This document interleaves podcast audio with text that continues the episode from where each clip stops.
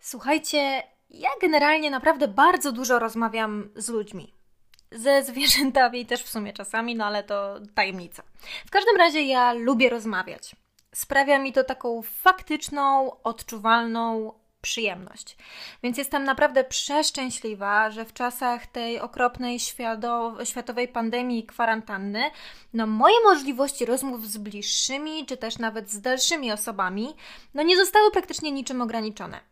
Oprócz tam oczywiście kontaktu fizycznego, no ale on często kończy się tym, że się nie rozmawia jednak, no albo występuje masa rozpraszaczy, czy też jakichś tam bodźców niepotrzebnych z zewnątrz.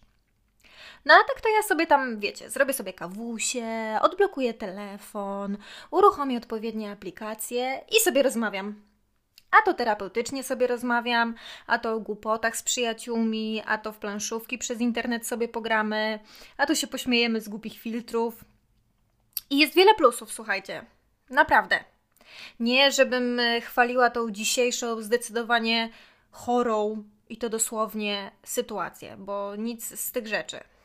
Ale jak tak sobie rozmawiam z domu, to ani się nie muszę przejmować, czy ktoś słyszy, czy nie, ani się nie muszę zastanawiać, czy stolik będzie wolny jakiś, ani mi się stanik standardowo w ciało jakimś cudem nie zaczyna wrzynać i mi się robi bardzo niewygodnie. A to mogę sobie nawet podczas rozmowy leżeć e, z nogami na ścianie opartymi, gapiąc się po prostu w sufit bezczelnie i bez celu. Znaczy nawet się bezwstydnie mogę po tyłku podrapać wtedy. No piękna sprawa. I słuchajcie, to niesamowicie uwalnia moją kreatywność. Zauważyłam, że w ten niezbyt profesjonalny sposób rozmowy osiągam w ogóle jakąś totalną efektywność rozmowną i nigdy naprawdę nie zadawałam lepszych pytań, czy też nie wpadałam na równie genialne pomysły podczas gadki. Ciekawe, co by było, gdyby terapia po czasach kwarantannych zaczęła w ten sposób wyglądać, że terapeuta by przychodził w dresie, bez makijażu, przywierał e, dziwne pozy i generalnie był e, fizycznie bardzo nieprofesjonalny. No ale skoro się już bezwstydnie pochwaliłam i objawiłam swoje aktualnie e, sekretne, wstydliwe zwyczaje gadkowe, to powiem Wam teraz, po co ten wstęp w ogóle i do czego dążyłam już po pierwszym zdaniu, no zanim oczywiście mój mózg nie powędrował gdzie indziej standardowo.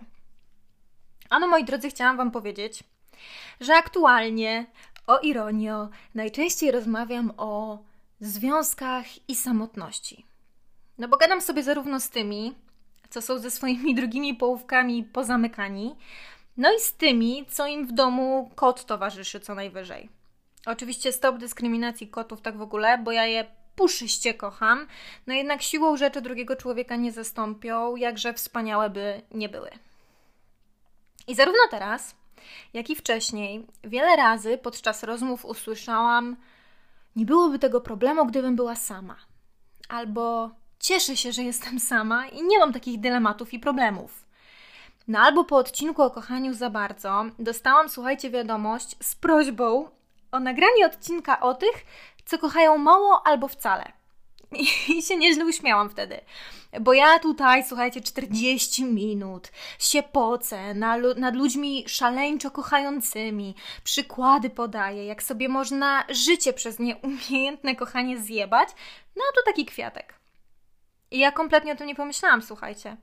W sensie oczywistym dla mnie jest, że są ludzie kochający za bardzo i ci, którzy kochają gdzieś tam w granicach, w cudzysłowie, względnie przyjętej normy no albo chociaż ich normy.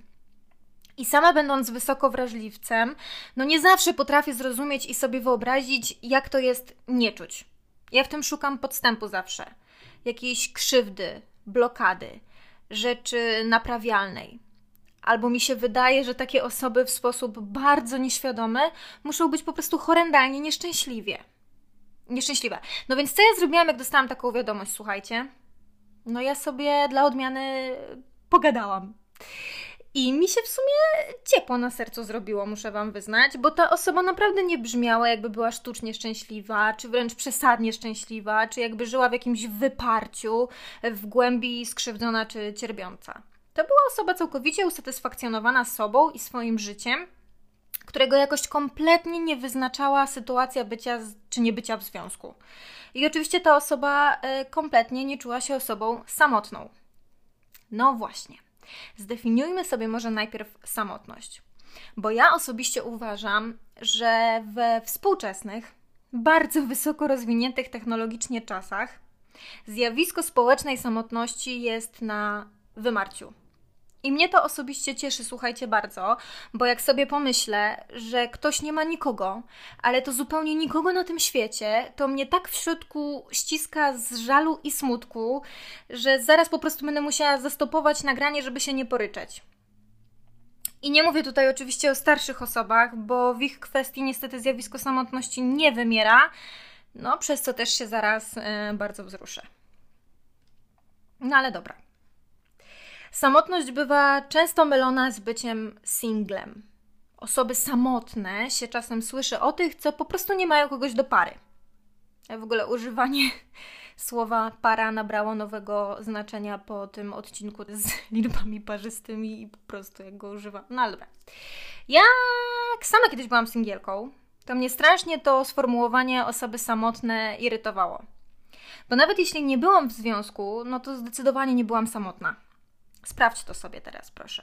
Wyobraź sobie na chwilę, że jeżeli słuchasz tego jako osoba w związku, to Twojego partnera dosłownie na chwileńkę nie ma w Twoim życiu teraz. Taki break w ramach doświadczenia.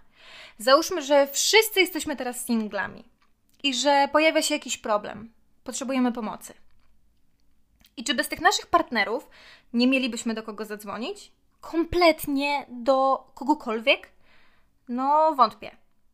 Mamy przecież wokół siebie mnóstwo ludzi. To, że często wstydzimy się pytać czy prosić o pomoc, to już jest zupełnie inna kwestia. Być może masz rodziców, masz rodzeństwo, sąsiadów, znajomych z tego samego osiedla czy podwórka, bliższych lub dalszych znajomych z pracy, a może właśnie tych prawdziwych przyjaciół, czy nawet, uwaga, zawsze masz no, infolinie kryzysowe, ośrodki pomocy, fundacje, etc. Więc dosłownie nie chce mi się wierzyć, że na całym świecie i w Twoim otoczeniu, a przynajmniej w Twoim zasięgu, jeśli wyeliminujesz na chwilę partnera, nie będzie ani jednej osoby, która poświęci Ci swój czas i uwagę, która porozmawia, będzie chociażby próbować zrozumieć. No, jeżeli oczywiście przyznasz się do słabości albo poprosisz. Wtedy znajdują się nawet e, względnie nieznane nam dłonie do pogłaskania po policzku czy głowie. Okazuje się nagle, że wiele osób ma ciepłe ramiona do objęcia, że ktoś, o kim nawet byś nie pomyślał, potrafi świetnie słuchać i że dużo osób skłonnych jest do wyjścia dla ciebie z łóżka w środku nocy.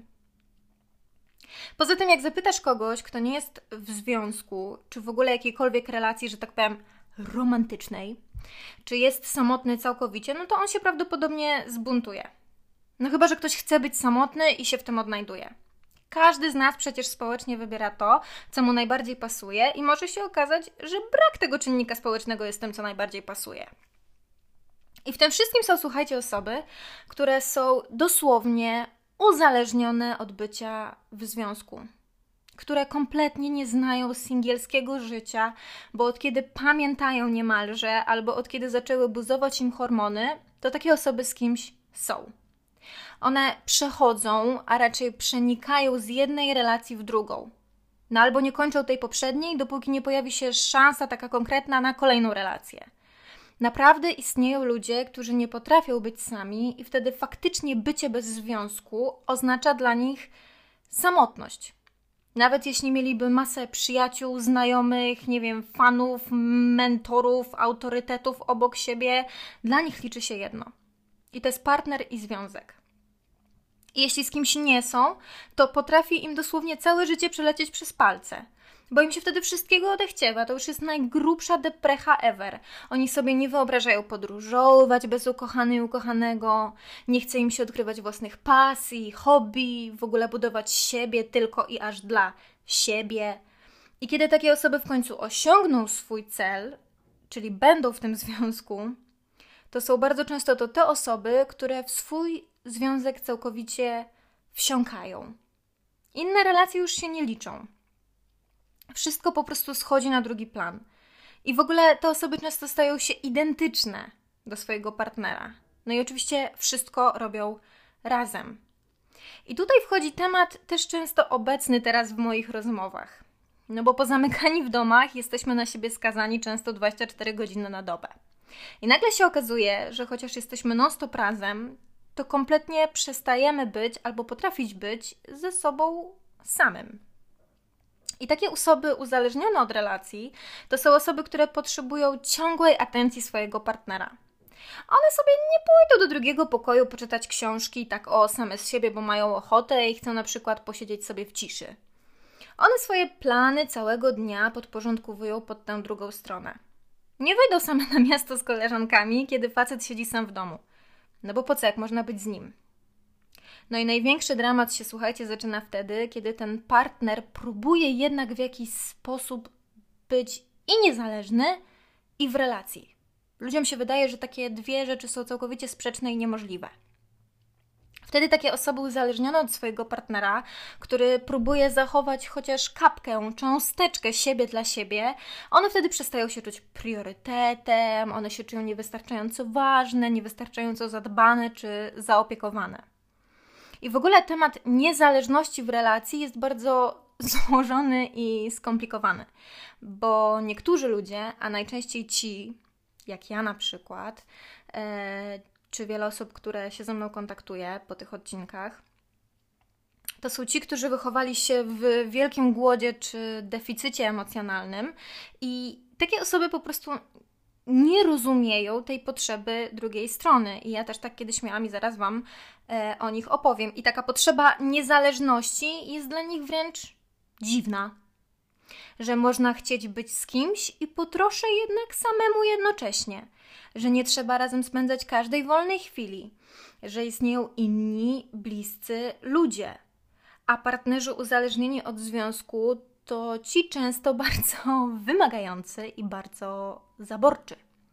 Pojawia się takie zjawisko złotej klatki, no bo z jednej strony masz kogoś, kto jest zawsze przy tobie i da ci wszystko, dosłownie wszystko, wszystko zrobi, no ale każde wyjście na browara z kumplami na przykład, czy z koleżankami na miasto, to już jest, y, no, przeprawa przez awanturę i kontrolę drugiej strony bo zapominamy, że związek zaczyna się od chęci bycia razem, bycia blisko. I tej chęci nie da się wymusić, czy narzucić, albo kontrolować. No i zapominamy, jak ważne w związku jest zachowanie odrębności, i opowiem to Wam oczywiście na swoim przykładzie. Ja byłam bardzo długo e, w związku poważnym, i w ogóle do pewnego momentu sama byłam osobą, która stanu singielskiego nie znała, a jak znała, to tylko z filmów czy opowieści. I w tym związku, o którym będę teraz opowiadać, mieliśmy już brać zaraz ślub, gdy mój y, były partner wrócił normalnego dnia y, z pracy i y, oświadczył mi, że zadecydował o końcu tej relacji. Natomiast, żeby dać Wam pełen obraz, to jeszcze Wam powiem, że zanim to zrobił, ja walczyłam długo z najsilniejszym rzutem depresyjnym mojego życia. I podjęta wtedy terapia uświadomiła mi, że ja kompletnie nie znam samej siebie. Ja już nie miałam 15 lat, wiecie, nie? W mojej głowie wtedy jakość mojego życia wyznaczał mój związek. I nie było dosłownie nic ważniejszego od mojego partnera od wspólnej aktywności, od jego obecności i tego, co ja mu mogę z siebie dać. No nie ma się co dziwić, patrząc na moje dzieciństwo czy relacje moich y, rodziców. I ta terapeutka pytała mnie, co ja lubię, czego ja chcę. A ja nie potrafiłam znaleźć chociaż jednej odpowiedzi, która nie zawierałaby chociaż okruszka, pół grama przemyconej informacji o moim związku czy partnerze.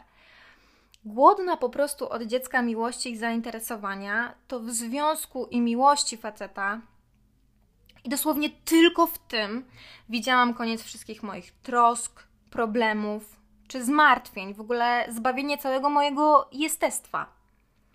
Jak sobie to przypominam i o tym mówię teraz, to po prostu aż mam gęsią skórkę. No w każdym razie ta relacja się skończyła. Wraz z nią wiele innych koleżeńskich moich relacji również, yy, również się skończyło albo zostały zweryfikowane na niezbyt korzystne. No ja słuchajcie, naprawdę czułam, że jestem sama. I na początku byłam tym kompletnie sparaliżowana. Zaczęłam też w tamtym okresie zupełnie nową pracę. No i nigdy nie zapomnę, jak moja ówczesna szefowa, a obecnie przyjaciółka, zobaczyła, jak wchodzę do firmy dzień po tymże rozstaniu.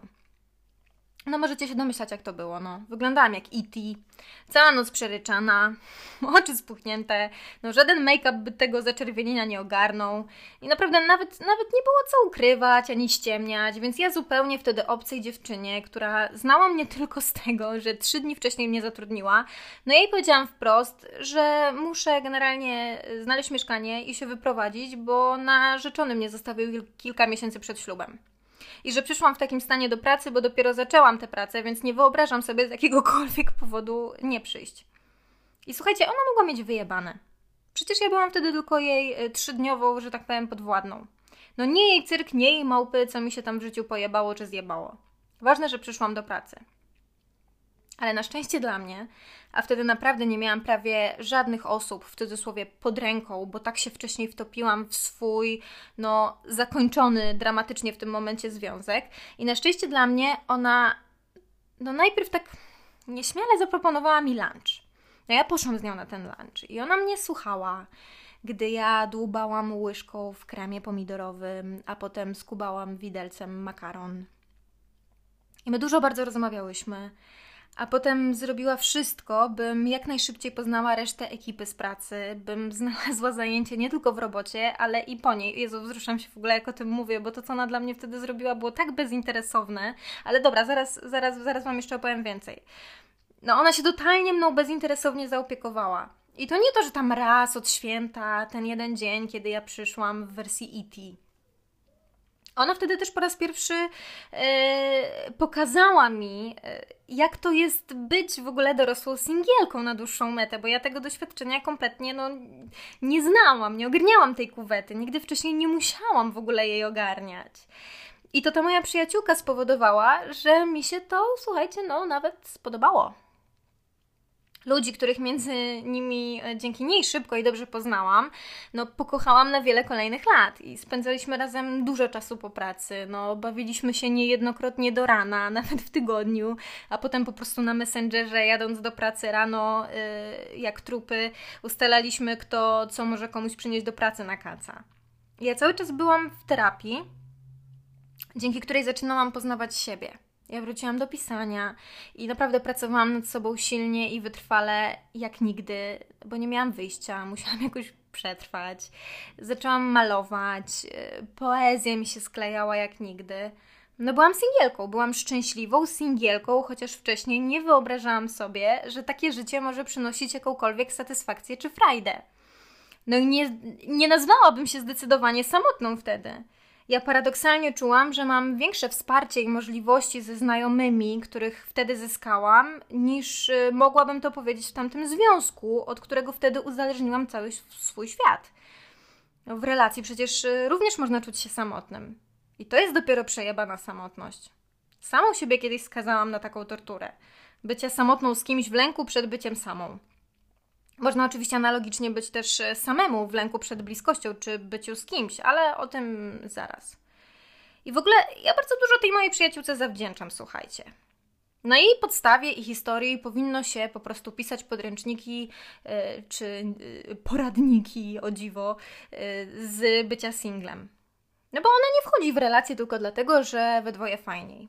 Ona bardzo szybko weryfikuje, czy ten ktoś jest dla niej, czy nie. I jeżeli bilans wychodzi ujemny, to ona się nie boi pożegnać, nie boi się tęsknoty, nie boi się straty, bo wie dokładnie, czego w życiu szuka i chce i uważa, że należy być uczciwą. Jeżeli już wie, że to nie jest to, no to nie ma generalnie na co czekać. I ona wie, czego chce i szuka jako jednostka.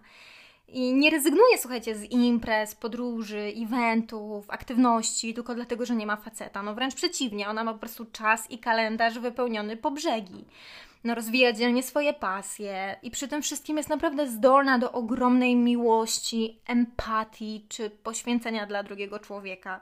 Ma mnóstwo ludzi wokół siebie i bardzo dba o te relacje. Remont chciała zrobić, zrobiła sama. Dla siebie. Nie z mężem, nie dla dzieci, dla siebie.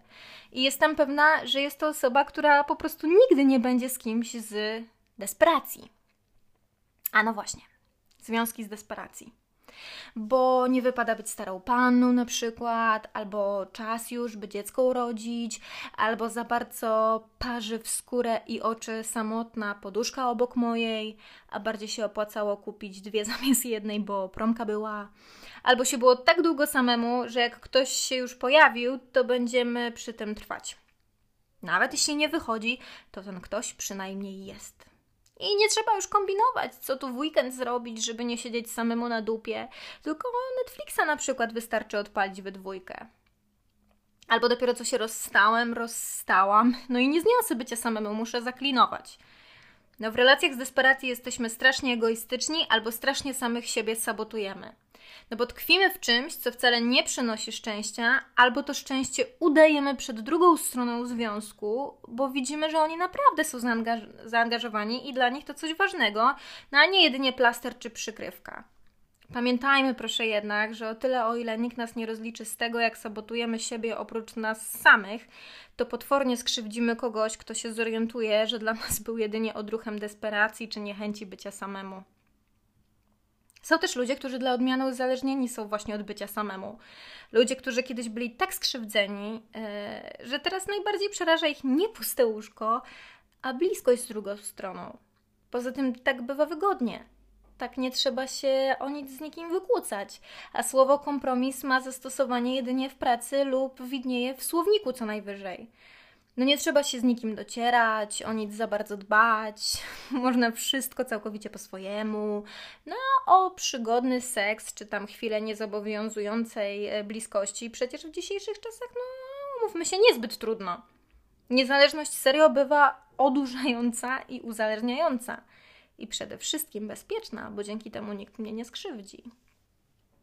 Są też osoby, które żyły bez związku tak długo, że potrzeba pewnych zmian w codziennym funkcjonowaniu w ramach rozpoczęcia relacji bywa potwornie przytłaczająca i czasem w ogóle odbiera ochotę na kontynuowanie takiej relacji. Ja mówiłam o tym troszkę w poprzednim odcinku. No bo wejście w relację zawsze wiąże się jednak z jakąś stratą lub ograniczeniem. No bo nie poświęcasz już y, czasu jedynie sobie, nie robisz już rzeczy tylko dla siebie, albo nie robisz już tylko tych rzeczy, które ty lubisz i to tak, jak ty chcesz. No musisz się przestawić z myślenia ja do myślenia my. Zadbać też o kogoś, wziąć odpowiedzialność i pozbyć się singielskich nawyków, przestać ze wszystkimi flirtować, zacząć relacje ze zobowiązaniem i wyłącznością to ciężko jest czasem osiągnąć zatwardziałym singlom. Taką zmianę sposobu myślenia i patrzenia. Ale są też tacy, którym zależy tak bardzo, no, że w końcu się przestawiają, coś tam zaklika. Chociaż współcześnie wydaje mi się, słuchajcie, niestety, że najbardziej chodliwe jest to, co chwilowe, do zastąpienia, niezobowiązujące, bez deklaracji, z takim odwiecznym podejściem nie wiem albo zobaczymy. Wracam czasami myślami do, do, do czasów gównierskich związków. I one były naiwne, one były, słuchajcie, z góry skazane na, yy, na porażkę i na śmierć śmiercią naturalną, ale przynajmniej w moim przypadku yy, one też wychodziły naturalnie. No ja byłam z moim pierwszym i drugim chłopakiem, bo chciałam być zupełnie szczerze i niewinnie bez nagonki społeczeństwa, bez desperacji, bez lenistwa, bez niechęci do zmiany rzeczywistości, nawyków czy codzienności. No i to było dwustronne. Niestety jednak ego również się umacnia i rośnie w siłę, często z każdym rokiem życia coraz bardziej. Na nieprzepracowane schematy i traumy zawsze wracają.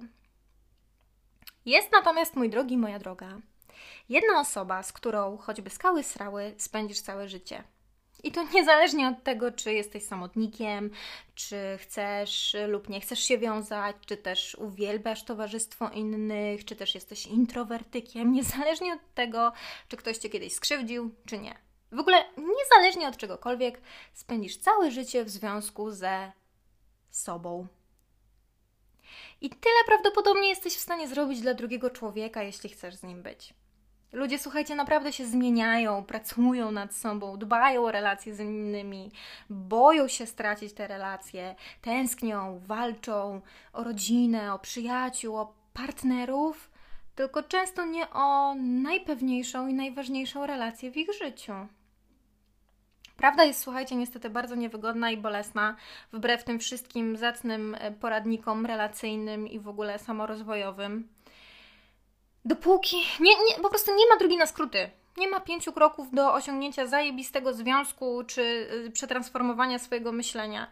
Dopóki nie nawiążesz zdrowej relacji z samym sobą i nie przepracujesz porządnie swoich schematów i swojej przeszłości, dopóki nie spojrzysz na siebie z bolesną, niejednokrotnie bardzo bolesną szczerością, no to nie zbudujesz zdrowego związku. Bo okazuje się nagle, że nie znając kompletnie siebie, albo kochasz za bardzo, albo prawie wcale. Albo ciągle się poświęcasz, albo budujesz wokół siebie obronny mur. Albo walczysz o atencję, albo w obronie swojego ego. Albo wszystko przeżywasz, albo masz na niemalże wszystko wyjebane. I za każdym razem mówisz sobie, że będzie inaczej. I na początku naprawdę tak to wygląda, no a potem się rozwija albo kończy jak zwykle. No bo słuchajcie, nie da się być szczęśliwym, nie wiedząc, co nas uszczęśliwia. Nie da się być spełnionym bez poczucia jasnego celu i określonej drogi do tego celu. Nie da się być niezależnym w bliskiej relacji, jeśli się na przykład nie umie spędzać czasu samemu ze sobą. No. Nie da się ufać, jeśli cały czas chce się kontrolować, albo się jest cały czas kontrolowanym.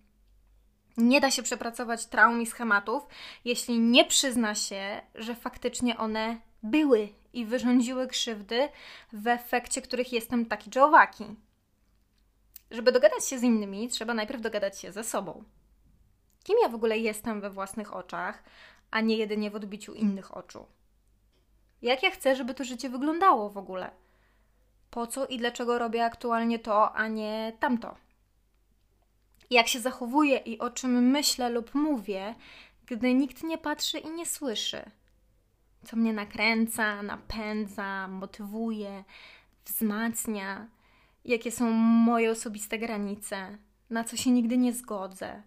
które wartości są dla mnie najważniejsze, co mogę z siebie dać i co chciałabym dostać, kiedy się mimowolnie uśmiecham, co mnie wzrusza, czego w sobie nie lubię, co w moim życiu ciągle do mnie wraca, chociaż ja nie chcę, i co mogę zrobić, by to zmienić, jaki jest wspólny mianownik, gdzie może być przyczyna, jak wyglądało moje dzieciństwo, jak wyglądała moja przeszłość, do jakich wad nie chcę się przyznać?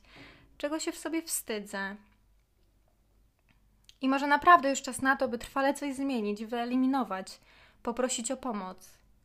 Bo możesz być wysoko wrażliwy albo niezwykle mało empatyczny. Możesz kochać za bardzo lub nie kochać wcale. Możesz być uzależniony od bycia w związku lub nie wiązać się za żadne skarby. Albo nawiązywanie relacji może przychodzić ci z ogromną trudnością. Budowanie więzi jest dla ciebie totalnie czasochłonne. Albo zakochujesz się i angażujesz z łatwością pierdnięcia. No nieważne, w każdym z tych przypadków możesz być sam, choć nie samotny. Lub samotny, choć nie sam. Pomyśl proszę o tym. I o tym, jak nie być samotnym w sobie, ze sobą. Dziękuję Wam za dzisiejszy poświęcony czas i do usłyszenia niebawem.